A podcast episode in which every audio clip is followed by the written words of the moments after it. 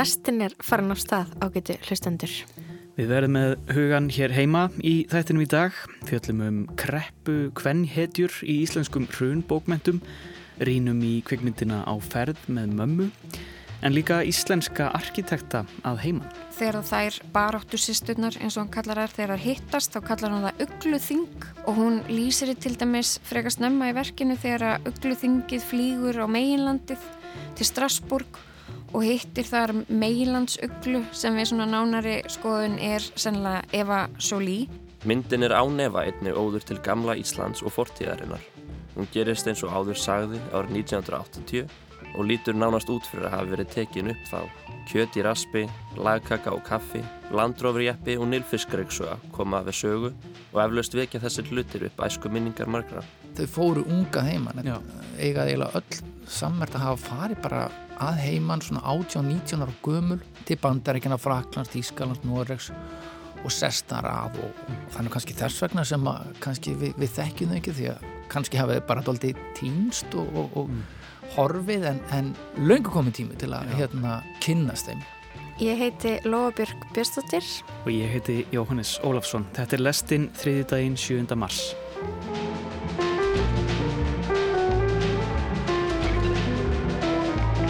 Við ætlum að hefja þáttun að því að hugað íslenskum arkitektur en höldum samt út í heim. Fjöldi íslenskra arkitekta hafa getið sér gott orð erlendis fyrir framúrskarandi hönnun og húsagerða list. Í nýjum þáttum í sjónvarpi símans að heiman heimsækir Freyr Eyjólfsson, fjölmiðlamaður, valda íslenska arkitekta viðsvegar í heiminum. Spjallar við þau, virðir fyrir sér byggingar þeirra og þau velta fyrir sér stílum, áherslum og áskorunum, ekki síst áskorunum framtíðar.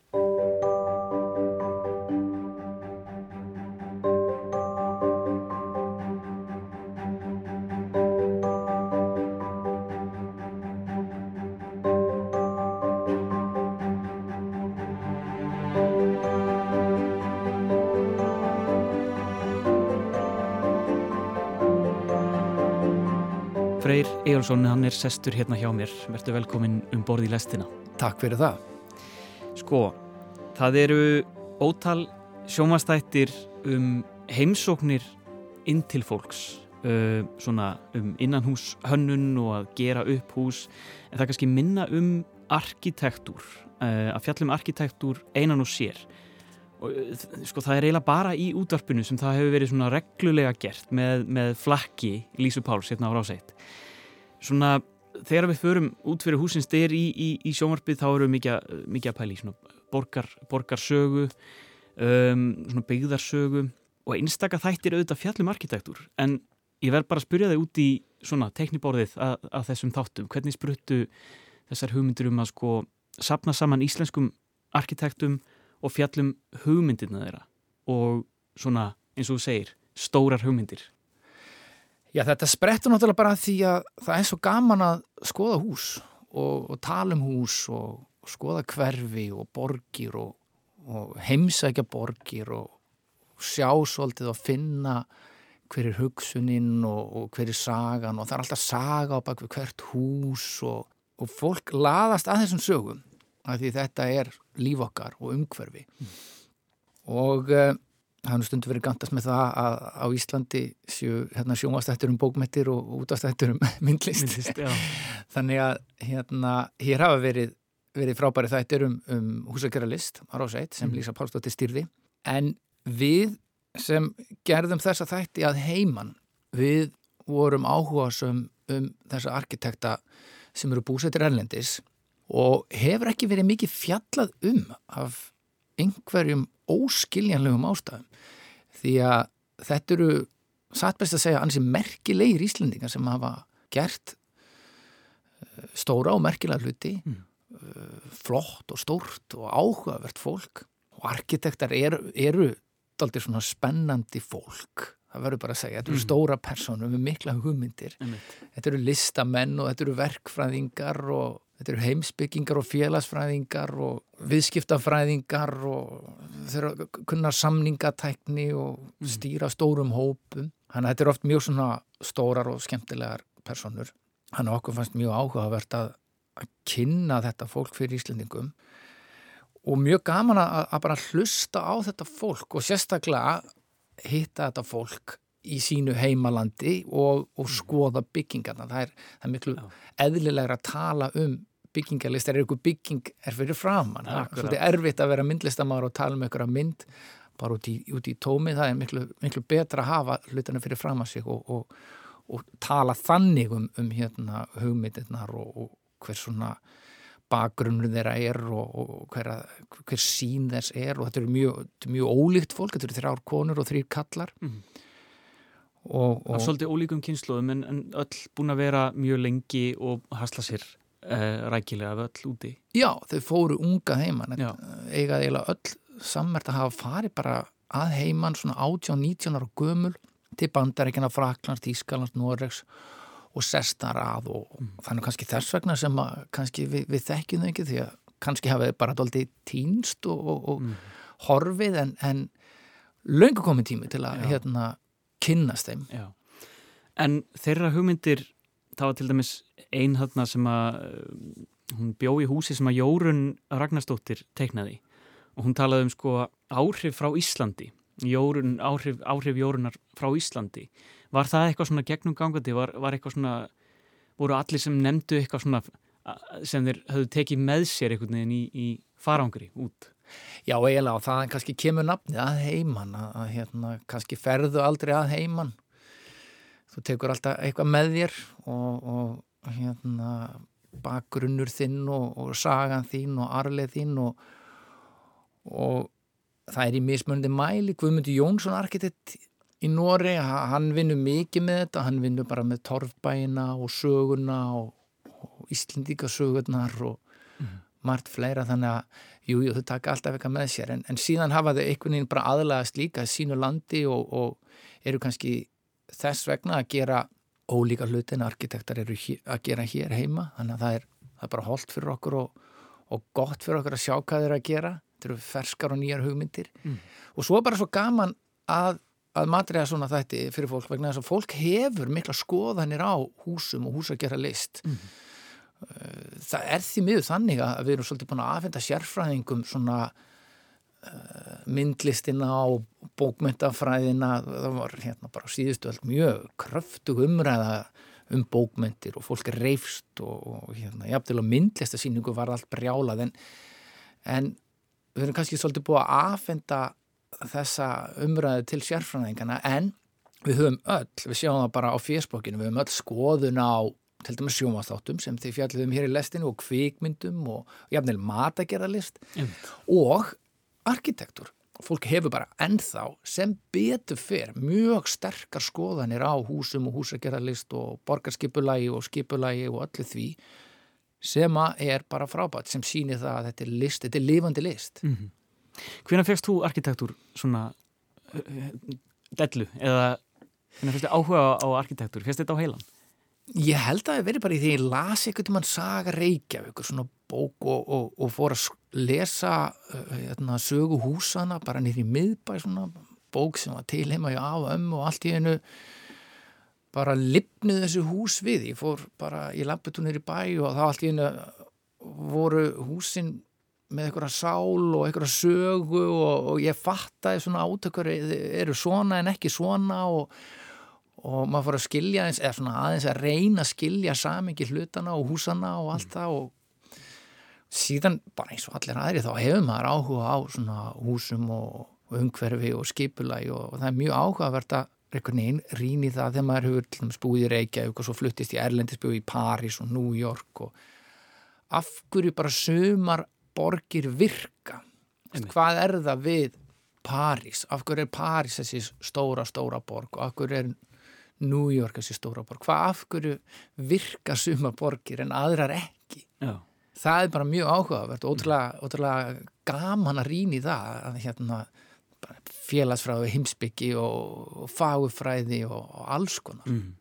Og flókin og margvísleg svör við því hva, hvar, hvar þú ert í heiminum. Ég menna þetta þetta er allt bara tengist, tengist svo mörgum hlutum.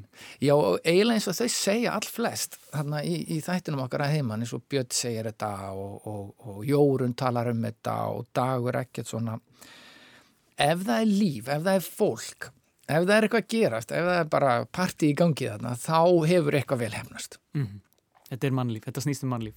Algjörlega, mm. að, sko, þetta er ekkit endilega alltaf bara einhver húsa hönnun að búa til opáslega flott hús, einhvern skúltúr. Þetta þarf alltaf að vera svona kórfélag, þú þarf að syngja í kór, þú þarf að syngja með hinnum, húsið þarf að vera í samingi við það sem var hérna áður og það sem verður þannig í framtíðinu, þannig að þú ert alltaf kannski miklu meira að hanna umhverju heldur en hús.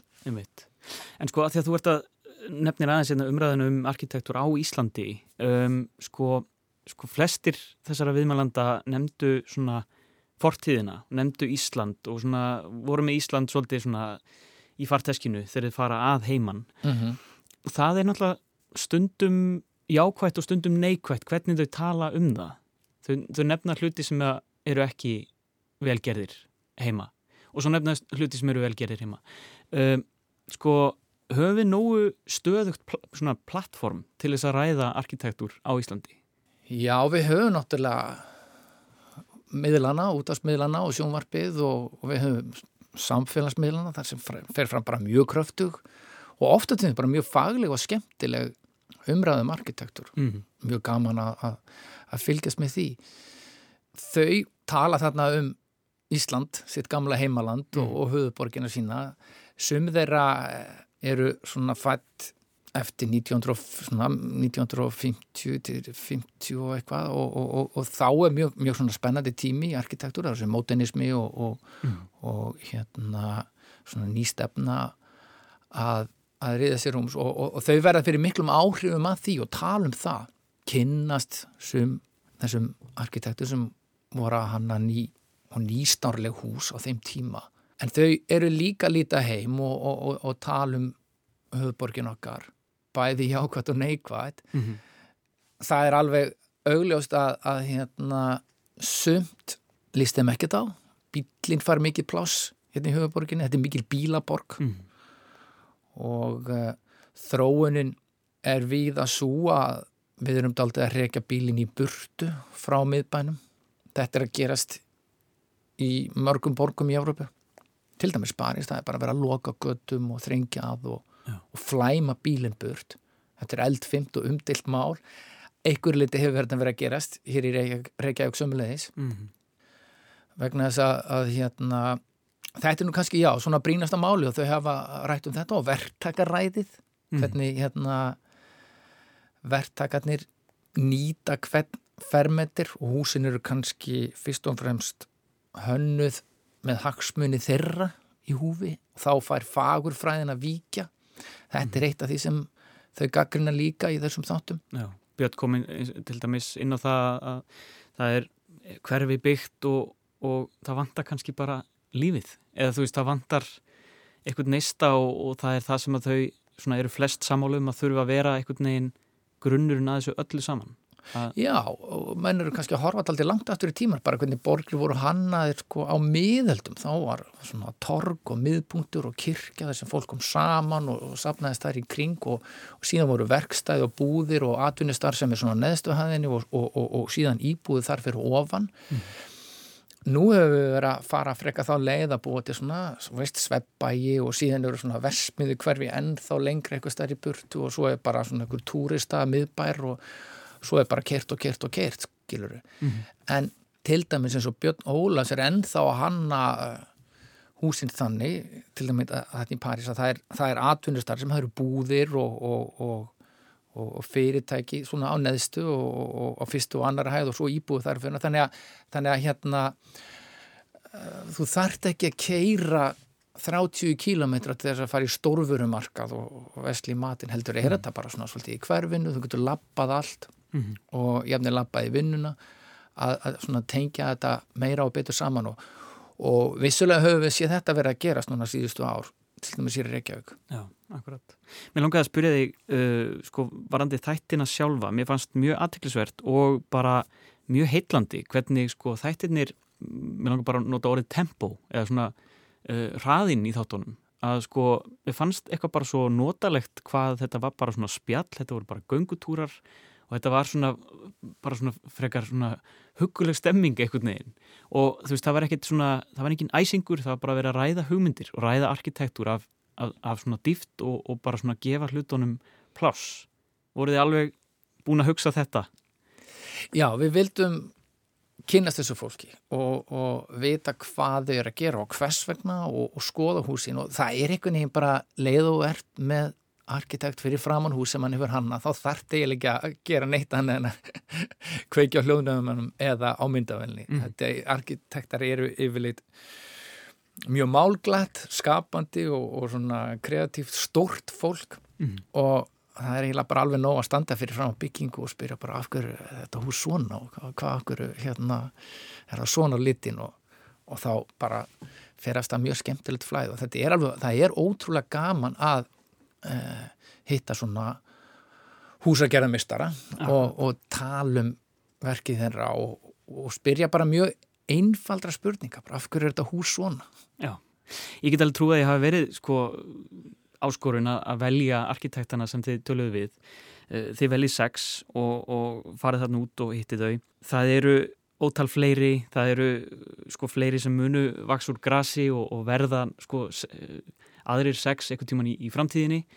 En þessar mannesku sem þið töluðu við var eitthvað svona sem að eitthvað svona lærdómur, eitthvað, eitthvað kjarni sem að þú svona dróst úr þessu öllu ferlinu sem svona heilt þessari serju Já, þetta eru þrjárkonur og þrýrkallar og öll svona frekar ólík og mjög ólíka sín en öll með svona ferska og ákveðina sín hvað þeir að gera og hvers vegna Ég lærði bara heil mikið, ég, ég lærði heil mikið bara til dæmis þetta að, að líti kringum sig og skoða hús og, og hugsa aðeins af hverju er þetta hús svona, hvað er þetta hús að segja mér, hvernig talar hú, húsið í, í, í, í takt við öll hinn húsin og umhverfið og en það sem kannski fekk mig fyrst og fremst þess að hugsa var þetta að nú lifum við á tímum uh, hamfara hlínunar og við verðum að breyta því hvernig við hönnum og byggjum hús. Við erum búin að byggja hús á Íslandi bara svona eiginlega alveg eins síðisliðin 80 ár. Mm.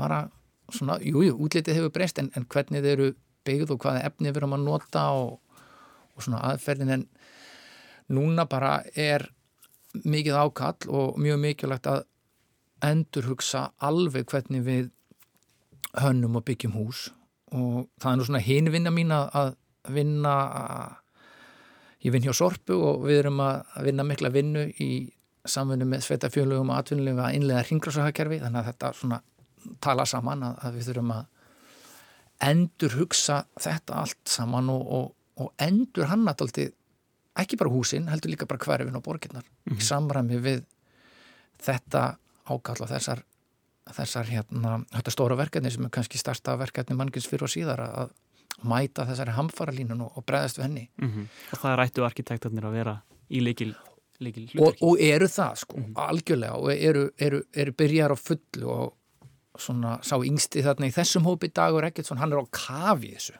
Þessum, þessari sjálfbærni og, og, og bregðast við loftlagsbreytingu með, með öðruvísu húsum. Við þurfum sjálfsagt aðeins minni hús.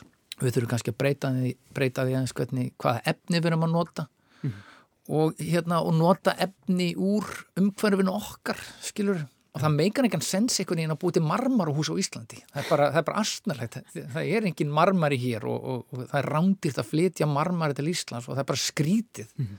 að sjá eitthvað marmarahús í Kópavói, það bara meikar ekki sens og hérna, þess vegna þurfum við að fara hanna umhverfið okkar og og bara allt, veist, hvað við borðum og hvað við búum, þetta það bara meikar sens meikar þetta sens fyrir umhverjum mitt, meikar þetta sens fyrir sjálf mm -hmm. en þetta er svona það sem ég tek persónulega út úr þáttum og, og það sem ég lærði mest bara hvað, hvað þetta er mikilvægt og spennandi verkefni að hérna, endur hanna þetta allt saman mm -hmm. og við þurfum að gera það í víðra samengi bara, við þurfum að endur hanna allt hagkjörfuð okkar og, og matvala framleiðslu og allt slikt mm -hmm. Það er mörg að huga, en það er þetta pæli arkitektúr og njóta þess um, að heimann, frábæri þættir, lestinn mælir með Freyr Egalsson, takk hjálpa fyrir komina. Takk fyrir.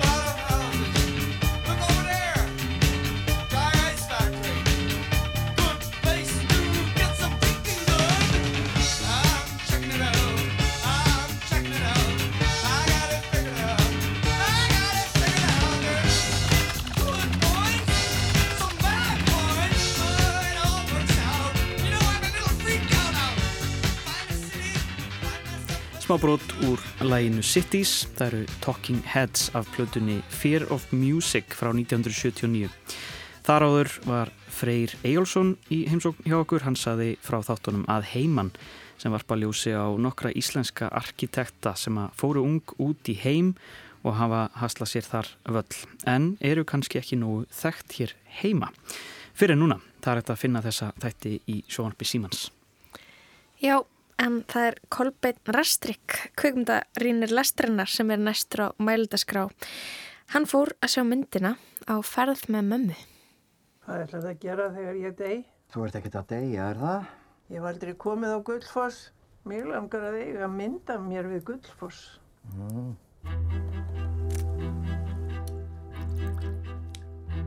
Þið, kæru hlustendur, hafið eflaust tekið eftir því að nú er byrjað að glitta í vorið. Sólinn skín á heiðskýrum himni og vindarnir sem vonuðist til þess að geta feikt ykkur af ramagslaupa hjólunum ykkar eru farnir að róast.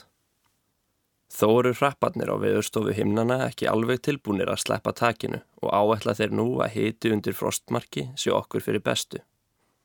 Draumar um íslenska sumarið þurfa því að víkja fyrir veruleika hins allrænda glukkaveðurs. Þó er ekki öll von úti fyrir ykkur draumar á fólk því í lok februar var frumsýnd kvikmyndin á ferð með mömmu sem gerist um Íslenskt hásumar árið 1980.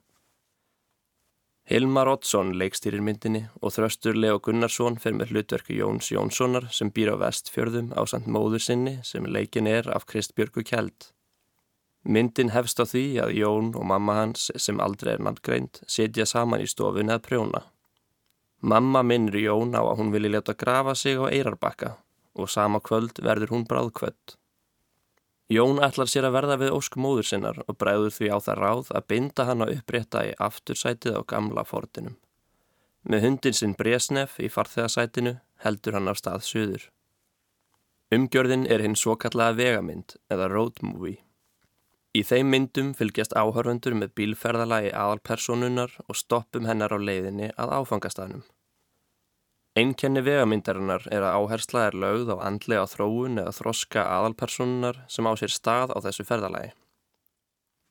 Í áferð með mömmu setur mamma dáin í aftursætinu en hún lætur andlótið þá ekki stoppa sig og heldur áfram að nöldra í jóni og ráðskast með hann. Áhörundur komast hann í fljótt að því að þunga miðja sögurnar og þessarar vegamyndar er uppgjör Jóns við látna móður sína, fortíðina og það sem hefði geta orðið. Þessi lýsing á efni myndarinnar gefur þú kannski ekki nógu vel til kynna hvað áferð með mömmu er ótrúlega fyndin. Þið hlustendur sem hafið séð einhver verk finska leikstur hans Akis Kurosmakis sjáðu eflaust hliðstæður í finska húmórnum sem byrtist í myndum hans og húmór Hilmars í áferð með mömmu. Húmórin er skraufaþur og jæðrar stundum við gálgahúmór en þó ram íslenskur og er hann ábyrrandi í gegnum alla myndina. Íslenskar grínmyndir eiga það margar sameinlegt að þær kleima að vera fyndnar þegar líður á myndina og verða þær því oft bara niðurdrepandi og það sem verra er einfallega leiðinlegar. Tótnin í áferð með mömmu helst aftur á móti í gegnum myndina og Hilmari Ottsinni tekst virkilega vel að halda bæði dramanu og grínunu á lofti samtímis. Hann notar jamt handritið og kvikmyndatökuvelina til þess og sem dæmi sést að vel í fyrsta atriði myndarinnar. Þegar Jón og mamma setja saman og prjóna byrja þau að rýfast. Á sama tíma sést hvernig niklarnir þeirra hafa flækst saman og þó þau tói hvert í sinn enda leysist flækjan ekki. Hilmar notar þannig myndmálið til merkingasköpunar og verður kvikmyndin mikið betri fyrir vikið. Með einu skoti er búið að sína árundum nákvæmlega hver Jón og mamma eru og í hvaða stöðu þau eru gagvart hvar öðru. Myndin notar oft til sjónrana til þess að miðla sögunni og þannig virðist hún að einhverju leiti vera óður til íslenskal fámælsku. Sumir túristar nefna til dæmis að erfitt sé að spjalla við Íslandinga og oft er litið niður á þessa neyð. Á ferð með mömmu bendir þó á að orð séu ekki endilega það sem best er til brúks þegar á að kynnast annari mannesku Orð má miskilja og mistúrka en gjörður í garð annara geta sagt miklu meira til um hver þú ert í raun og veru. Í einu atriði í myndinni mætir Jón puttaferðalang sem talar ekki orði í íslensku. Jón skilur ekkert nema íslensku en samt byrja þeir að tala saman á meðan þeir hjálpast að við að gera við bíl Jóns. Í samtalenu bera þeir báðir sál sína og djúpt hengsl myndast á milliðera. Þó skilur hvorur orða því sem hinn er að segja. Sama á við um Jónu hundin Bresnef. Þeir þurfa ekkert að tala sama tungumál til þess að skilja hver annan. Myndin er ánefa einni óður til gamla Íslands og fortíðarinnar. Hún gerist eins og áður sagði árið 1980 og lítur nánast út fyrir að hafa verið tekin upp þá. Kjöt í raspi, lagkaka og kaffi, landrófrjeppi og nilfiskreiksuga koma við sögu og eflaust vekja þessir hlutir upp æsku minningar margra. Á ferð með mömmuna er einhverjum sér íslenskum áhrifum og í stað þess að reyna að fara eftir reglum Hollywood býr Hilmar til eitthvað sestakt sem stendur undir nafni sem þjóðarbí á Íslandinga. Því kemur það kannski sum og óvart að myndin sé að slá í gegn í útlöndum. Hún vann til dæmis aðarverðlun kvikmyndaháttíðarinnar Tallinn Black Nights Film Festival eða PUF í Íslandi en háttíðin er með þeim stærstu í Evrópu. Og þó er kannski ekkert skrítið að kvikmynda áhuga fólk taki vel í hana. Það sést vel að Hilmar ber virðingu fyrir og þykir væntum viðfeng sín á umfullunarefni og verður það til þess að myndin verður samanleg og þar með alþjóðleg. Í höndum annara gæti framsetningin á Jóni orðið illkvittnisleg en hann fær að vera eitthvað meira en bara skrítin sveitakall í myndinni. Þetta á líka við um aðra karaktera í myndinni og er það ekki síst þessu olimpíuliði leikara sem Hilmar hefur fengið til liðs við sig að þakka að allar personurnar virka heilstiftar. Kristbjörg Kjeld er stórkustlega í hlutverki mömmu og nær allt sem hún lætur út úr sér er drepfindið, bókstaflega. Persóna mömmu far ákveðna dýft þó hún sé vonda personan í sögunni sem gerir hana meiru en bara vondu mömmunni. Hún er manneskja sem átti sér fortið og draumum framtíð sem er rættist aldrei, rétt eins og Jón, sonur hennar. Vert er að nefna líka hvað hundurinn dregi stóð sér vel í hlutverki Bresnefs. Ef ettan sér við sér og bætir loksins við verðlunafloknum besta framistæða dýrs í auka hlutverki mun dregi vafalust hampa sigri. Hlutverk Heru, dóttirs Hilmars Oddssonar sem gömul ástkona Jóns og drauma viðfang, lær myndinni yfirnáttúrulegan blæ. Hilmar segir í viðtali að hann hafi viljað heidra föðu sinn, leikskáldið Odd Björnsson, með því að gera söguna súræðalískari en fyrri verk sín. Áhörfundur geta því oft átt erfitt með að greina á milli þess hvað af því sem sést á skjánum, ávera raunveruleikin, hvað draumar og hvað innra líf Jóns. Þessi súræðalíski hluti myndarinnar er að mestu vel hefnaður en það eru einstaka atriði við framsetningun á súræðalismannum sem er kannski svolítið klesukend. Klippingin fór líka smávegilega í tögunar á mér. Ákveðið hefur verið að hvert atriði endi á svo kvöldu feit og black klippi þar sem að myndin dopnar hægt og rólega og við tekur svartur auður rammi. Áhárundur fá með þessa tilfinninguna að hvert atriði sé blaðsíða sem flettir í bók en það er myndinni skipt upp í kabla sem allir hafa titil. Þrátt fyrir að þetta sé ákveði stílbrað kom það svo oft fyrir að ég velti fyrir mér af hverju það hefði ekki bara verið hægt að klippa ákveðin skot saman á hátt sem hefði verið fallegri sjónrætt séð. Sérstaklega þar sem að kvikmyndutakan og skotin í myndinni eru gull falleg. Íslenskt sumar er greinilega alveg jafn fallegt í svartkvítu. Það er einni virkilega ánægilegt að segja frá því að það beigir engin inn í kvamsjörð og er svo næst settur í kvalfyrði. Myndin fer í alvöru með áhörundur söður og staðsækningarnar sem byrtast í réttri röð og á réttum stöðum. Það er auðvelt að fara og finna fallegustu staðin á Íslandi og klippa það svo saman til þess að láta myndefni líta vel út, en það er erfiðar að fara rétta leið og finna hvað gerir hvert stað fallegan. Á ferðinni með mömmu er stoppað oft og staðsetningar stoppana eru jafn mismunandi og þær eru margar en þær koma áhörundum allar fyrir sjónir sem fallegar eða allavega sjónrænt séð áhugaverðar. Það er þessi ást og væntum þykja fyrir landinu, personunum og lífinu sjálfu sem gerir á ferð með mömmu sérstæka. Hún er auk þess mjög vel unnin og allir sem komi að henni eru greinilega fagfólk. Hún er að mínu mati með betri íslensku myndum sem ég hef séð upp á síðkastið hún er bæði fyndin og dramatísk vegna þess að hún opnar á möguleikan á að vona. Ef allt var jafn ómögulegt og þunglindislegt og ákveðnar íslenskar kvikmyndir og vetrarveðrið vil fá okkur til að trúa, þá var allir lungu farnir í þann. En svo er það nú ekki því fólk dreymir enn, hvort það séum að íslenska sumarið færi okkur betra veður, að hægt sé að endurveikja gömul kynni eða einfallega það að vannþáklandi sonurðin geti grafið lík þitt í kirkjugarðunum Suður og Eirabakka. Er þetta móður þín? Já, sælfrú mín, Hún er dauð. þú ert að grenja. Grenja? Nei, ég var ekkert að grenja. Hægri, vinstri.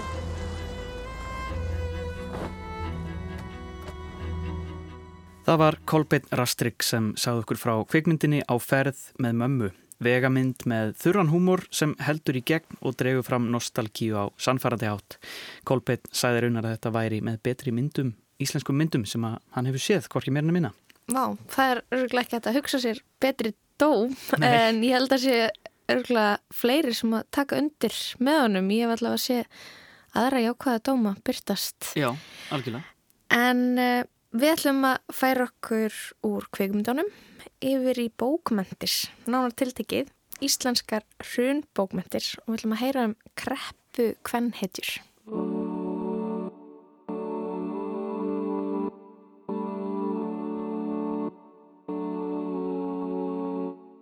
Núna næstkomandi förstudag og lögadag fer fram hugvisindaþing Háskóla Íslands. Þar er borið fram það helsta í fræðunum í stuttum fyrirlesturum og málstofum ætluðum fræðasamfélaginu og almenningi.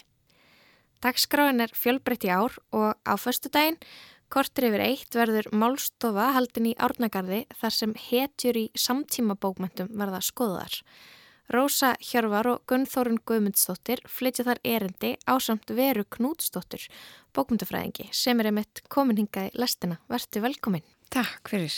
Vera ætlar að fjalla um hugmyndina um kreppu kvennhetjuna í íslenskum samtíma bókmyndum. Í hvaða íslensku skaldsöfum fannstu kreppu kvennhetju? Sko, þetta var um, þegar ég var sérst í uh, doktorsnámi þá var ég að skoða minningar sem eru svona þakkar og laðar til hliðar eins og einhvern veginn teknar upp í, í skálskap eða í myndlist. Og það leiti mig að hruninu. Og þar komst ég að því að það hefur verið svona, þú veist, það hefur verið gerð rannsókn á uh, hrunbókmyndum í íslensku samhengi og erlendis líka en það hefur verið meira svona hort á hrunbókmyndir eftir kallhauðunda og það eru svona oft sem að hérna uh, hvernhauðundar hafa skrifað hrunbækur en þær hefur ekkert eindilega verið skilgrindar þannig. Og í doktorsverkefninu mínu þá fannst mér rosalega áhugavert hvernig hérna Irsa Siguradóttir, glæpasagnahöfundur, fjallar um, um uh, hrunið. Og hún á þarna svona þrjár svona hrun hrollvekjur sem að það sem hún nota svona hrollvekjustef til að takast á við hrunið. Og ég fór að velta þessu betur fyrir mér og sérstaklega líka að því að sko fræðimenn á sviði hug og félagsvísinda hafa fjalla mikið um það hvernig sko efnahags hrunið bankarhunið, alþjóðlega bankarhunið árið 2008 bóðaði líka svona gengisfall ákveðna hugmynda um karlmennsku og svona ráðandi karlmennsku ímyndar sem að tengist mjög svona efnahagskerfinu og bankakerfinu mm. og við þekkjum það náttúrulega hér í hérna útrásarvíkingnum og ég fyrir bara að skoða þetta og ég dett fljóðlega niður á breska bók eftir fræðimann sem heitir Katie Shaw uh, og bókin heitir sérst Crunch Lit sem er svona ein, uh, eitt orð yfir hrunbókmyndir. Það er líka oft talað um svona recession literature og crash literature og hún sérst fjallar um þessa hugmynd um recessionista. Ef við hugsaum um hruni sem recession þá er recessionista hvern hetja sem verður til í recession, sérst á hrun tímum og ég kalli þetta kreppu hvern hetja. Og hún sko talar um þetta sem svona, þú veist, um, í góðarinu þá verða til þessar skvísu bókmyndir eins og hérna, þú veist, Sex and the City, Confessions of a Shopaholic, það sem að, veist, verða til svona skvísu bókmyndir um einhverja skvísur sem að eru svona, veist, það er ekkert mikil svona efnægisleg meðvitund í þessum bókum og þessar, hérna, þessar personur er að eigða miklum peningi, merkjavörur, snirtiförur og svo framvegis. Og svo eftir hrun þá gengur þessi svona grein svolítið í gegnum svona endur nýjum lífdaga og hérna hvern hitturna breytast og verða miklu svona meðvitaðri um peninga, fjármál, hagsínar, oft er þetta hvern hittur sem hafa orði fyrir einhvers konar, þú veist, lendi skilnaði, mist atvinnu, þurft að svona endur hugsa lífið og eru svona stíga upp. Og hérna, og þetta er ákveð svar líka við þessari hugmynd um kallmennsku þrótið eða svoleiðis sem verður að því þá gefst einhvern veginn tækifæri fyrir konur til að stíga inn á sveiðið og, og láta þessi kveða mm -hmm. og þú fannst þetta í eða þú ert að aðalega skoða þetta á fyrstu daginn út frá jarðnæði eftir Otni er æfarstóttur og samengi hlutana, þetta sér hún Davíðsdóttir það Já. eru bækurnar sem þú skoðar Já, ég sko, í kjölfari fer ég að kortleggja svona íslenskar hérna hrun sérstak, sérstaklega skáldsögur eftir íslenska kvennhöfunda og á förstu daginn, og það er náttúrulega alveg að mörg að taka, en á förstu daginn ætla ég að fjalla um samengi hlutana og jarðnæði eftir Otniu Eyr.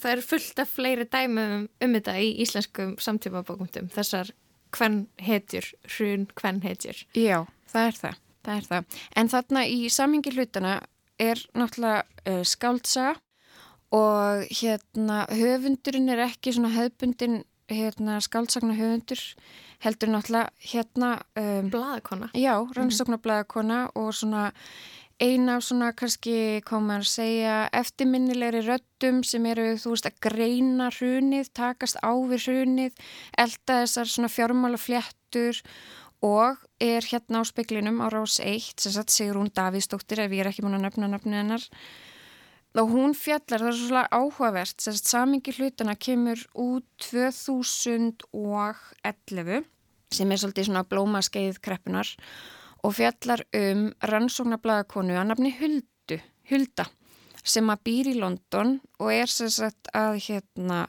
fjallar um spillingu og er að fjalla um svona fjármála glæpi íslenskra aðtapnumanna þannig hún speiklar mjög svona náið stöðu höfundar Sirun og Davíð sem er náttúrulega í hérna líka bjó í London allavega á þessum tíma.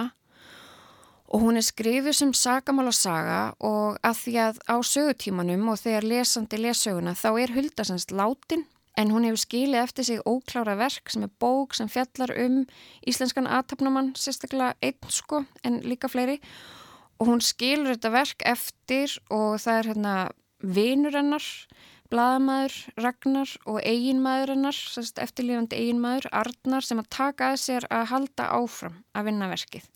Þannig hún er einhvern veginn látin á sögutíma verksins en þeir eru svolítið svona að vinna undir hennar svona handleiðslu eða svona sinna hennar arleið og svo kemur náttúrulega í ljósa hún sem sagt í upphæfu sögunar þá uh, deyr hún í hjólaslýsi svo kemur náttúrulega í ljósa það er hérna ekki, kannski var ekki slýs sko bókin er skrifuð svona í upplýsandi tón og hún er greinilega að höfundurinn, þú veist, að tilgangurinn er að uppfræða lesendur um hérna fjármála glæpi og bara svona kannski þú veist svona lögmál fjármála markaðar þú veist. Svona flettað inn í ykkur spennusögu, glæpasögu. Já, já, og kannski svolítið svona virkja lesendur. Einmitt, já, það er svolítið áhugaverst og því að maður hugsaði mitt um Sérunu Davíðsdóttir sem svona eina af einkennis röttum hrunsins og, og maður tók eftir því að þessar hrunsbókmyndir komu út þá voru við rosalega mikið fjallað um bækuröfti Karlmann, Karlkins höfunda en á sama tíma ætluðum við sem samfélagin að gera upp Karlmannskuna sem hafði leitt okkur í gunnur Einmitt. Sko það er rosalega áhugavert að því ég fór að skoða, mér langaði svo að skoða betur viðtökurnar, þú veist hvernig var tekið við þessum bókum, hvað ramma fenguð þær, hvernig var fjallað um þær og svona og hvernig þú veist lesendur átta sér betur eða ekki á hruninu með því að lesa þessar skáldsögur en því miður þá bara svona flestir eh, dómar og umfjallanir og, og viðtöl og svona annað sem að taka þessi verk fyrir.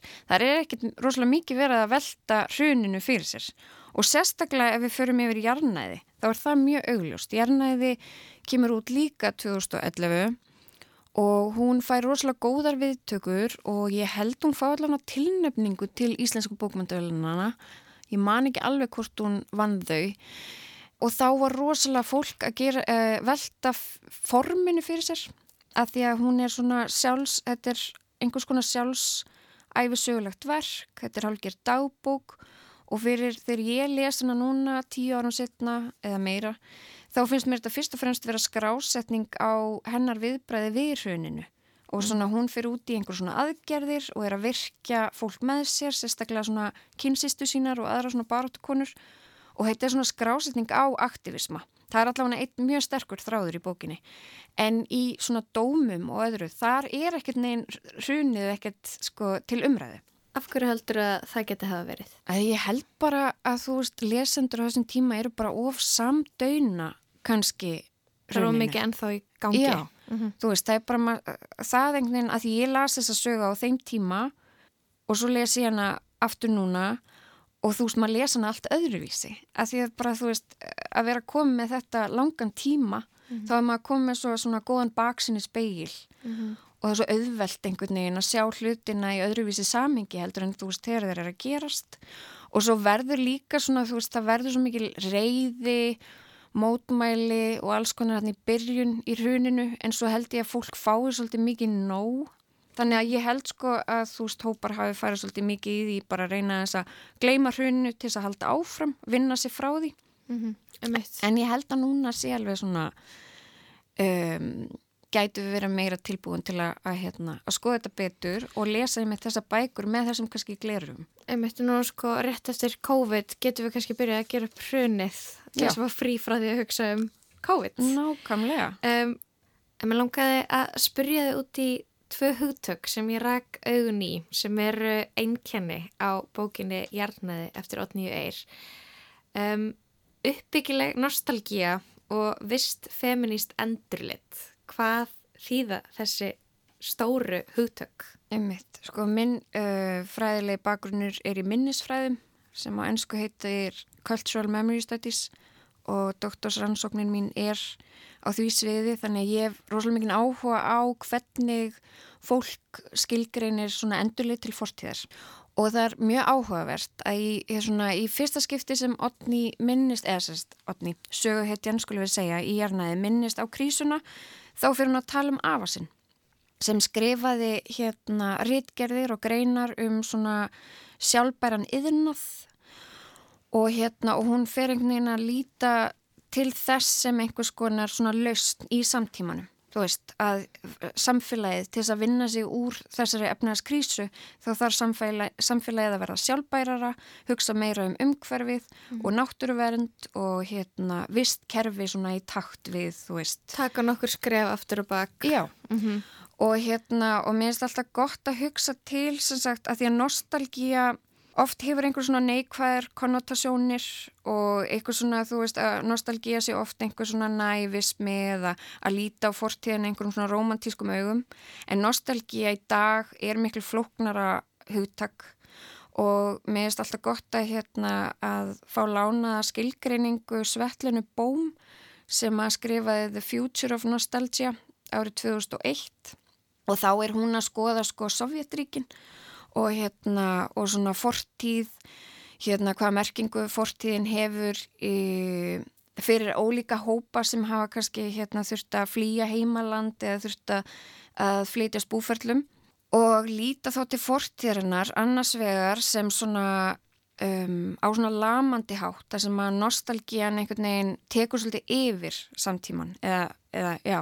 Og hún kallar það hérna restorative nostalgia þegar þú vilt einhvern veginn bara hverfa til fyrir tíma að því þú stendur í þeirri trú að það líf eða þeir tímar hafa einhvern veginn verið betri en samtímin þannig að, að þá, þú veist, það er svona hugmyndin um þessa romantísku nostalgíu. En uh, hinn tegundina nostalgíu kallar hún reflective nostalgía sem að gæti bara verið svona einhvers konar gaggrinin nostalgía þar sem þú leitar til fortíðarinnar ert meðvitaður að þú ert að horfa til fortíðarinnar til þess að finna kannski einhverjar uh, leiðir sem gætu gagnast í samtímanum. Og það er þessi uppbyggilega, Já, þetta uppbyggilega, þessi uppbyggilega nostalgía, emitt. Og svo er það vist feminismin sem að er hægt að greina í bókinni Jarnæði. Ummitt, sko, hvernig hann byrstist í verkinu, þá er það svolítið þannig að hún leggur áherslu á sinn aktivisma og hvernig hún er að fá sagt, aðrar konur með sér og hvernig þær er að finna samhljóm á milli sinna hugmynda. Og hún kallar það sko þegar þær baráttu sýsturnar eins og hann kallar þær þegar þær hittast þá kallar hann það ugluþing. Og hún lýsir til dæmis frekast nefna í verkinu þegar að ugluþingið flýgur á meginlandið til Strasburg og hittir þar meilandsuglu sem við svona nánari skoðun er sennilega Eva Jolie sem er náttúrulega mjög skýrt dæmi um svona kreppu kvennhetju og fyrirmynd fyrir kannski bartu fólk sem vildi einhvern veginn uh, berjast fyrir bættara samfélagi, jafnara samfélagi. Og hún er sér sagt að já, vil samina kvensistu sínar til þess að innleiða svona sjálf, meiri sjálf sjálfbærni, umhverfisvernd, meðvitundum náttúru og þetta er mitt sko að samfélag og vist kerfi séu í takt. Þú veist að við séum ekki alltaf að fara fram úr, fram úr okkur, fram úr náttúrunni, ganga á hlut náttúrunnar eins og hefur svo mikið verið gaggrínt bara núna í, þú veist, gaggrínitni umfjöllunum mannöld og, og, og hérna En ég man eftir að, að, að þetta náði eitthvað svona flugi að maður var að lesa greinir um þetta í skólanum um eco-feminism, svona vist feminisma og pælingin er að, að konur við stjórnvölinn getur tekið skynnsanleiri og vistvætni ákvarðanir heldur en kallmenn og væri eitthvað neginn en nú væri að taka við tímabil þar sem að konur ætti að taka við mm -hmm. og, og, og það, það getur eitthvað neginn hreinsað upp eftir kallmennina það var bara, ég er að greina það á mörgum stöðum í samfélaginu þegar að, að vorum, að, vorum farin að hampa kvennkins framkvæmastjórum og, og hérna stopnaðir kvennkins fjárfestingasjóðir eh, nei, fjár, fjárfestingasjóðir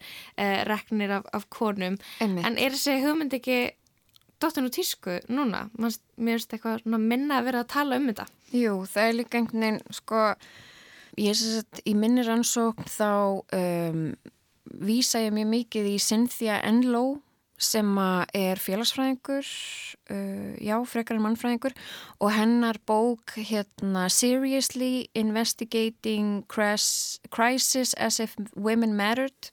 Og hún notar Ísland sem dæmisögu fyrir hrunið og hún talar alltaf um það sko hvernig þú veist á krísutímabilum konur eru virkaðar og fá að stígin á sviðið til þess að láta að sér hveða en svo er oft svona í sögunni allavega þá er svona liti sem á að samfélagið hefði náðu jafnvægi þegar konur aftur komnar úr brennideiplunum og það var um þetta var rosalega svona hérna skýrt svona ákall um að líka innlæða svona einhvers konar kvenlægari gildi í stjórnarhætti. Og þú veist og það var náttúrulega Jóhanna Sigurðardóttir sem að þú veist tók við þjóðarskútunni í hruninu.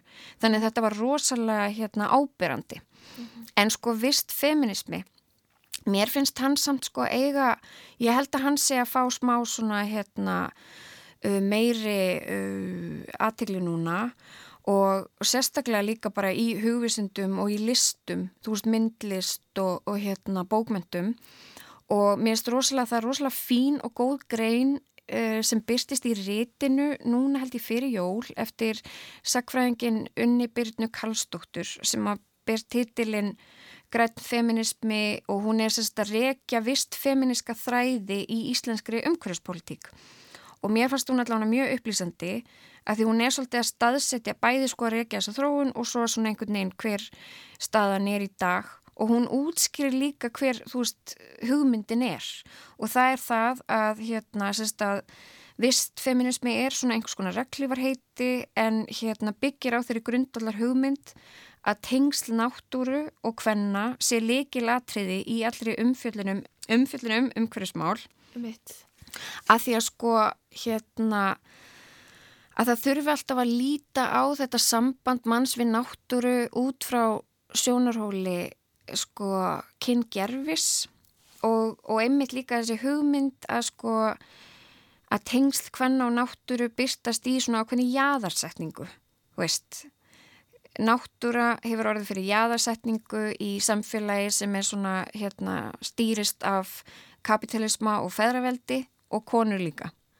Einmitt. Og hún segir það sem er líka svo áhugavert að hún hérna vísar í kvennalistan uh, sem að vann svo mikið á þessari línu. Bæði, þú veist, í uh, Reykjavíkuborg og líka í landsmálunum og þú veist hvernig þú veist hvernalistin bara frá upphafi hafnaði svona stóriðu stefnu og virkjana stefnu og vildi frekar svona leggja áherslu á atvinnugreinar sem væri takt við náttur og lífriki landsins. Og það er óslulega áhugast að hvernalistin komi hérna upp að því að í bók sem satt Cynthia Enlow sem ég myndist á áðan þá tekur hún, þá, þar hérna fjallar hann um hvernalistan og þar verður Ísland líka dæmisögu hérna, um hrunið og hún vil meina að sagt, Ísland náttúrulega það er frækt að Ísland var nánast gæltróta í hruninu og bara stærsta banka hérna, þrótt í, í sögu hins vestarn heims eða eitthvað álíka.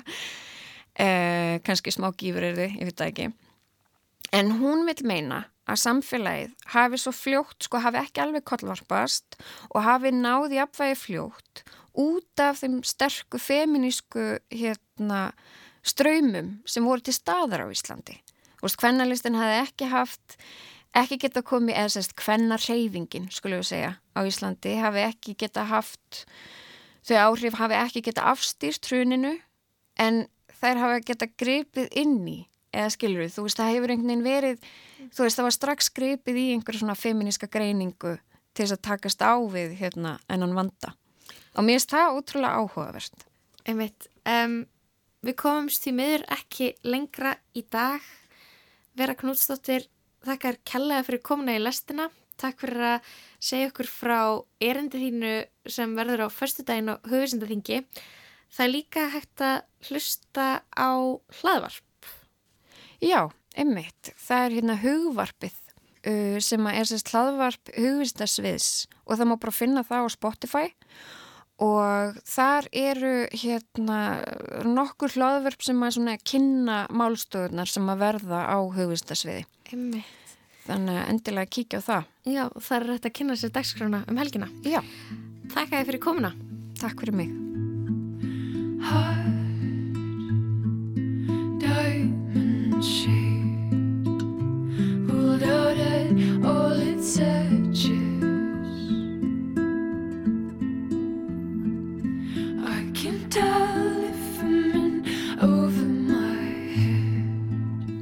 Lag frá tónlistakonunni JFDR, Jófriði Ágadóttur, lagið Spectator. Við rættum við Veru Knútsdóttur sem er einn fjölmarkra fyrirlesara á hugvísindaþingi Háskóla Íslands sem verður á förstu dag og lögadag og er opið öllum.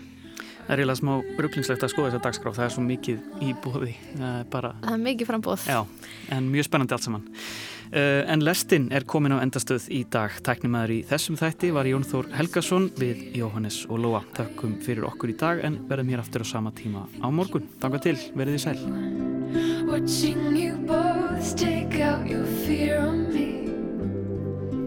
How can I help you if it's best for me to stay away? I am caught in between, feeling the feelings of everyone except my own. I can't, I can't take it. I can't be.